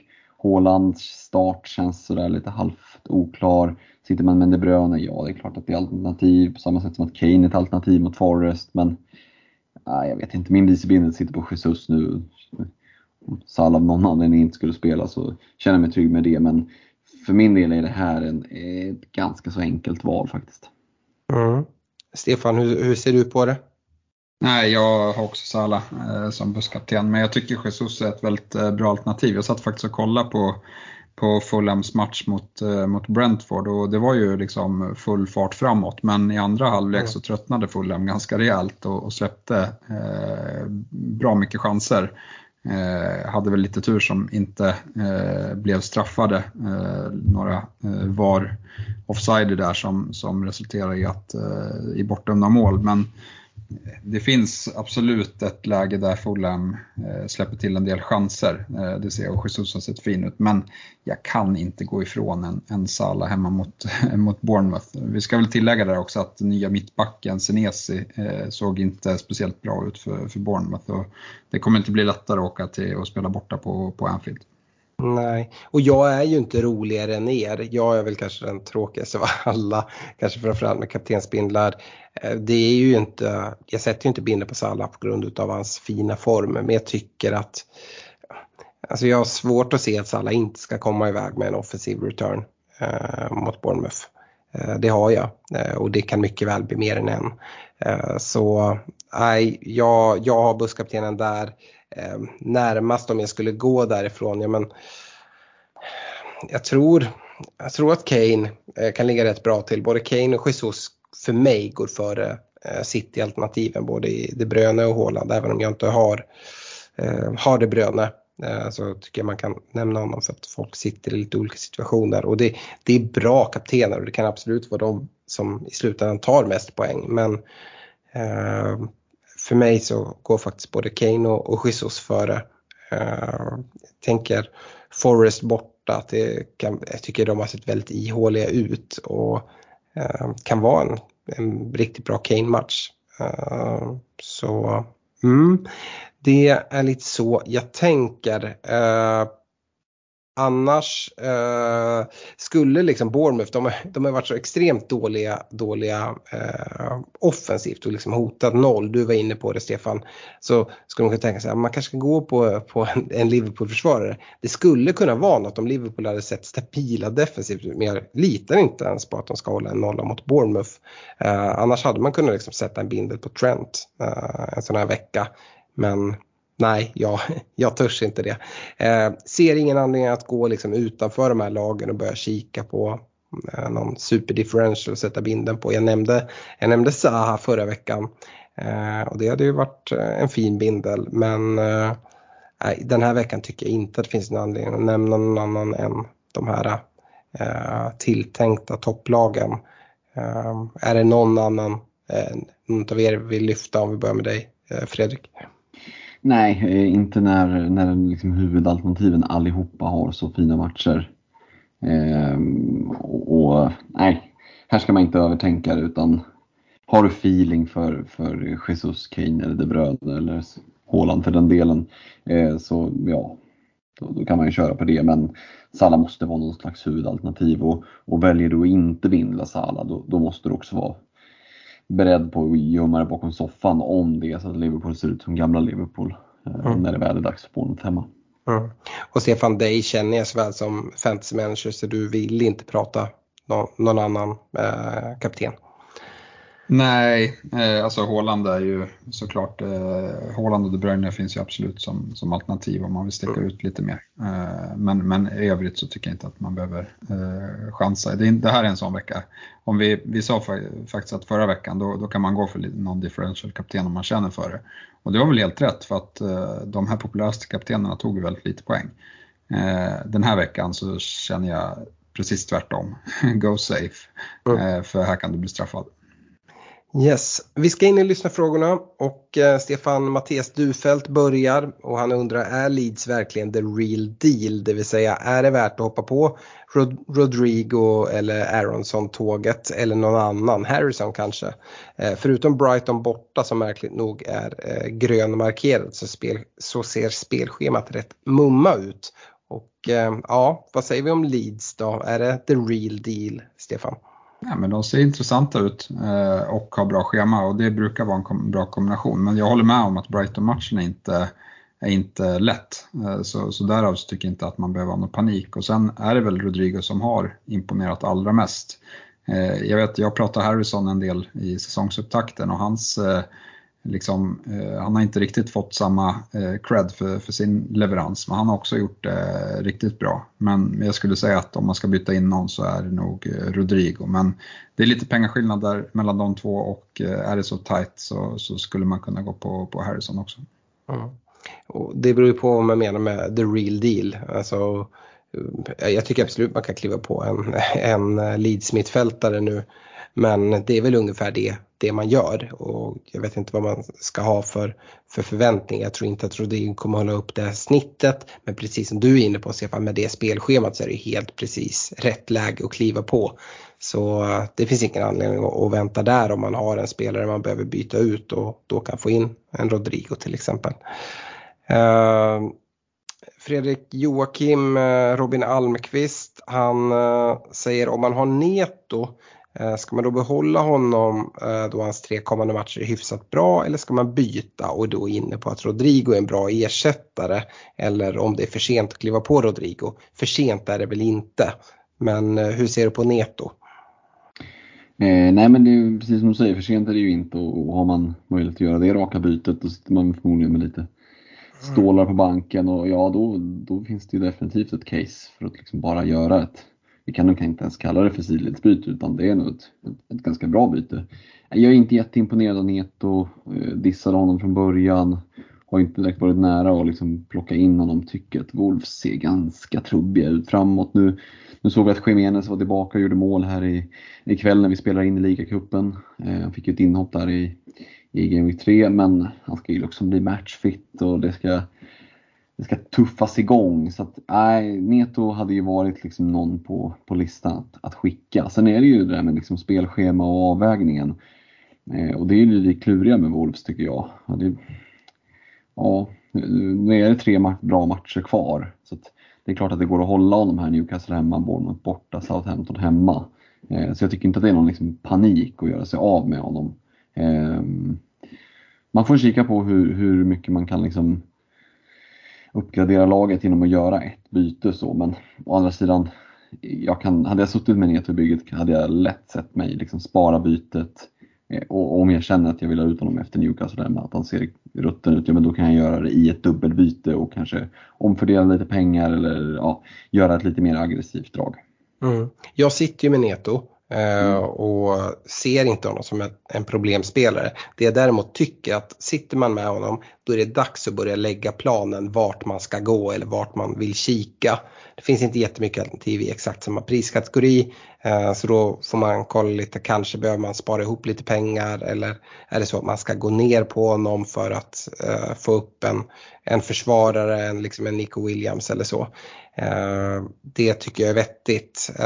I det här fallet kan han göra Neto direkt till Rodrigo nu, kanonläge. Men som sagt det är väldigt få som kan göra det vår eh, Glenn-vän Torbjörn Olsson skriver in, vad gör man med Neto 0,4 i banken? Då ska jag säga att då gör man absolut ingenting. Jag ser, in, jag ser inte problemet riktigt. Jag hade försökt samla på mig mer och lägga en plan för det. Um, har man två byten, ja men då kanske man kan se på att göra något men det är ingen stress där tycker jag. Och det är heller inte så många alternativ för Neto plus 0,4 som, som ser sådär, ja men hit ska jag och nu kör vi. Uh, så att jag, nej, jag hade nog uh, väntat med det uh, för egen del. Eh, Erik eh, Wallqvist, han har en tuff start på säsongen men tycker laget ser bra ut och undrar hur mycket tålamod man ska ha med till exempel dubbelt Liverpool-försvar. Eh, nu två bra hemmamatcher och tar emot och skeppa. Vi har ju pratat mycket om det och som jag var inne på Stefan, det här är ju eh, 100 000 kronors frågan som när vi har fast i hand kan summera att ah, men där skulle jag klivit av tidigare eller jag skulle haft mer tålamod. Och exakt vad som är rätt är svårt att säga men vi har ju pratat om det. Både du och jag tycker att det är ett svårt läge att lämna Liverpool just nu med det här spelschemat. Ja absolut. Eh, jag tycker att man ska ha is i magen här. Eh, ge dem två matcher till, utvärdera, eh, kolla vad som, vad som har förändrats när, när transferfönstret är stängt och liksom Ja men där tycker jag att man absolut kan börja kika på, på wildcard om man, eh, alltså jag ser ingen anledning till att hålla wildcard så mycket längre mm. när man ändå får fria byten. Så från, från Game Week 6 och, och liksom 7-8 där, där tycker jag att det är kanonläge att dra wildcard sen. Mm, absolut. Eh, ska säga det, vi har fått väldigt mycket lyssnarfrågor. Eh, vi har fått en hel del så här att här är mitt lag, vilka byten ska jag göra? Eh, det är inte så roliga frågor tyvärr, eh, tycker inte jag. De görs inget bra i poddform och eh, för då ska jag dra igenom hur laget ser ut. Dessutom tycker jag att bolla gärna upp förslag, era tankar som flera gör här. Det här tänker jag på, vad tycker ni om det bytet? Tanken är inte att vi på något sätt ska styra era lag och vi har inte något facit heller. Eh, vill man däremot ha sån feedback så är det ett perfekt läge att bli Patreon och nyttja Discord-kanalen eh, och kunna få feedback både från oss och från andra Patreons på, på sånt. Så jag slår ett slag för det då. Men sådana såna lyssnarfrågor kommer jag inte ta upp. Däremot har vi fått en hel del lyssnarfrågor om om byten, bland annat från eh, målvaktsbyten faktiskt. Robin Turda eh, körd på de dubbla Leicester-målvakterna. Vilket var kul i början tycker jag men eh, det blir dåligt med poäng. Eh, vilken chock va? eh, det verkar inte gå mot ljusare tider. Eh, undrar vem man ska ta in istället för Iversen och ha råd med alla andra men har redan tripplat City och Arsenal. Och sen säger han, säg inte att jag ska spara bytet och ta det vid wildcard, det är ju så tråkigt. Och laget ser rätt bra ut i övrigt. Men det är ungefär vad jag skulle vilja säga. Ehm, Fredrik, vill du säga något annat? Nej, egentligen inte. Men om han nu har bestämt sig för att inte göra det, men då tycker jag liksom att Sanchez 4,5 eh, är en no Om han nu har bestämt sig för att faktiskt göra ett målvaktsbyte oavsett vad vi tycker och tänker om det. Eh, så eh, det är 0,5 upp. Eh, det fanns mycket pengar i banken men det finns ju ingen anledning att lägga pengar för sakens skull. Utan eh, jag tycker att Sanchez 4,5 eh, med, med liksom Brightons spelschema här fram till när det börjar närma sig wildcard-dags. Ja, um, för mig är det en no-brainer om man nu har bestämt sig för att göra ett sånt byte. Mm. Ja, men kravet för att göra ett sånt byte det är ju att man sitter med två fria skulle jag säga och mm. att eh, som Robin skriver att man är supernöjd med sitt övriga lag och att de här 05 som man lägger inte kan nyttjas bättre. Till exempel man sitter med en neto och kanske vill gå upp, ja, men då kan de här 05 vara ganska fina att ha. Eh, och då vet jag inte om jag tycker det är värt att ens plocka in Sanchez som jag tycker om. Jag har honom i mitt lag. Utan har man gått på de här dubbla läsmålen då får man väl ta det. Du, du, har väl inte räknat med att du ska liksom, bomba in nollor. Har du gjort det så tycker jag att du har gjort ett ganska liksom, dåligt beslut. Uh, och kan väl direkt då gå på Daniel Hidgårds fråga som undrar om man ska skeppa Iversen för en minus 4 mot en 4,5 keeper. Och minuspoäng absolut inte. Jag skulle inte ens göra det med om jag hade ett fritt byte. Så nej, jag tycker det bara liksom biter i det sura, sura äpplet. Och, eh, uh, om man nu tycker att det var fel val. Eh, och jag tycker man ska inte bara kolla på vad ens målvakter tar för poäng om man nu har gått på de dubbla lästmålvakterna. Man får väga in vad man har gjort med de här 05 också. Um, yes. Uh, Stefan Filip eh, Johansson eh, undrar vad liksom den bästa, vä bästa vägen in i Citys offensiv är. Om man nu går ifrån Håland som vi har pratat om här med rotationen eh, så känns det ändå som att man behöver någon offensiv för att täcka upp det. Och Robert Jonsson fortsätter, vilken City-mittfältare ska man sikta på att ta in? Gündogan, Foden eller Bilva? Eh, eller ska man bara ta ut Håland mot Kevin De Bruyne istället? Ja, men eh, jag tycker väl att Gündogan och Foden är de bästa alternativen på, på mittfältet. Sen, sen är det så, om, eh, som Fredan pratade om, om man kan få in både Sala och De Bruyne så, så är det eh, något som hade varit intressant också. Jag, för mig är det lite svårt eh, att göra ett sånt eh, byte men liksom, om man blickar framåt wildcard så kan det absolut vara, vara en väg. Eh, jag tycker att om man kollar på Foden så är han så mycket bättre än, än de andra yttrarna så att därför tror jag att han kommer få så, så pass mycket speltid så att det kommer komma poäng. Och eh, Gündogan med kaptensbindeln känns ju också som att han kommer få mer minuter än vad han fick i fjol. Mm. Eh, och eh, ja, men, kanske är den spelaren som eh, absolut, eller så här, mest av alla gillar Hålands eh, sätt att dra på sig försvarare och hålla upp bollen. Eh, då kan han leta sig in i straffområdet och komma till avslutslägen istället. Mm. Ja, men jag håller med. Gündogan och Foden tycker jag är en liten coin flip. Jag tror att när vi summerar säsongen att Foden kommer ha fler minuter än vad Gündogan kommer ha. Just nu tycker jag dock att Gündogan ser riktigt fin ut. Han, han är inte på något sätt immun mot rotation bara för att ha en, en kaptensbindel. Men han kommer få mer speltid än vad han har fått om han nu kan hålla sig skadefri. Eh, vi såg en Fernandinho förra året ha en kaptensbindel i City men ändå eh, starta ganska få matcher ingen garanti men så som Gündogan spelar så visar han ju att det är en viktig spelare för Pep och City. Eh, jag, jag fortsätter slå ett slag för Gündogan, tycker att han visar så pass fin form. Eh, men eh, ja. sen så har vi en, jag vet inte om det är en konstig fråga, men Sebastian, Sebastian Gyllensten han undrar om det är värt att byta ut Cancelo för att få råd med De Bruyne. Eh, det är svårt att ta ställning till det Fredrik. Ja, eh, spontana tanken är ju nej på att byta ut Cancelo kan jag tycka. Eh, mm. eh, och gå ner där då, sitta med. Låt säga att han kanske men, tar mig friheten och gissa att sitta med två fria, downgrada Cancelo för att kunna göra, ja, vad skulle det kunna vara då? Går det ens att göra en